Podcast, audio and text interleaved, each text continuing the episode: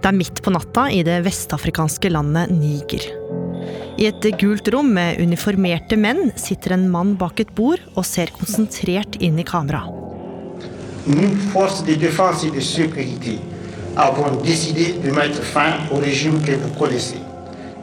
Mannen i lys militærjakke er nå på direktesendt TV. Les frontières terrestres et aériennes sont fermées jusqu'à la stabilisation de la situation.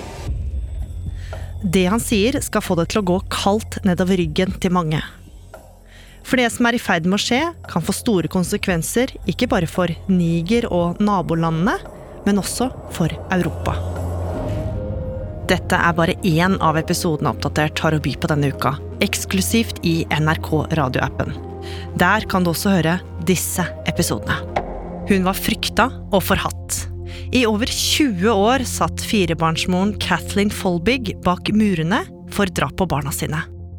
Ms. Folbig was found guilty of the murders of Patrick, Sarah, and Laura and the manslaughter of Caleb. Men så skulle hun få uventa hjelp.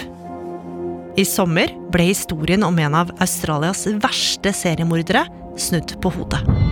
Valgkampen er i full gang, og ordførerkandidater over hele landet kjemper om velgernes gunst. Men blant dem er det én ordførerspire som skiller seg ut. Han er nemlig kjent for noe helt annet enn politikk. God dag. Nå vil Gaute Grøtta Grav ikke bare lede TV-program, men en hel kommune. Hvordan gikk han fra å være hele Norges gårdsgutt til å bli ordførerkandidat? Oppdatert finner du kun i NRK radioappen. Der finner du både nye og gamle episoder fra hele arkivet vårt.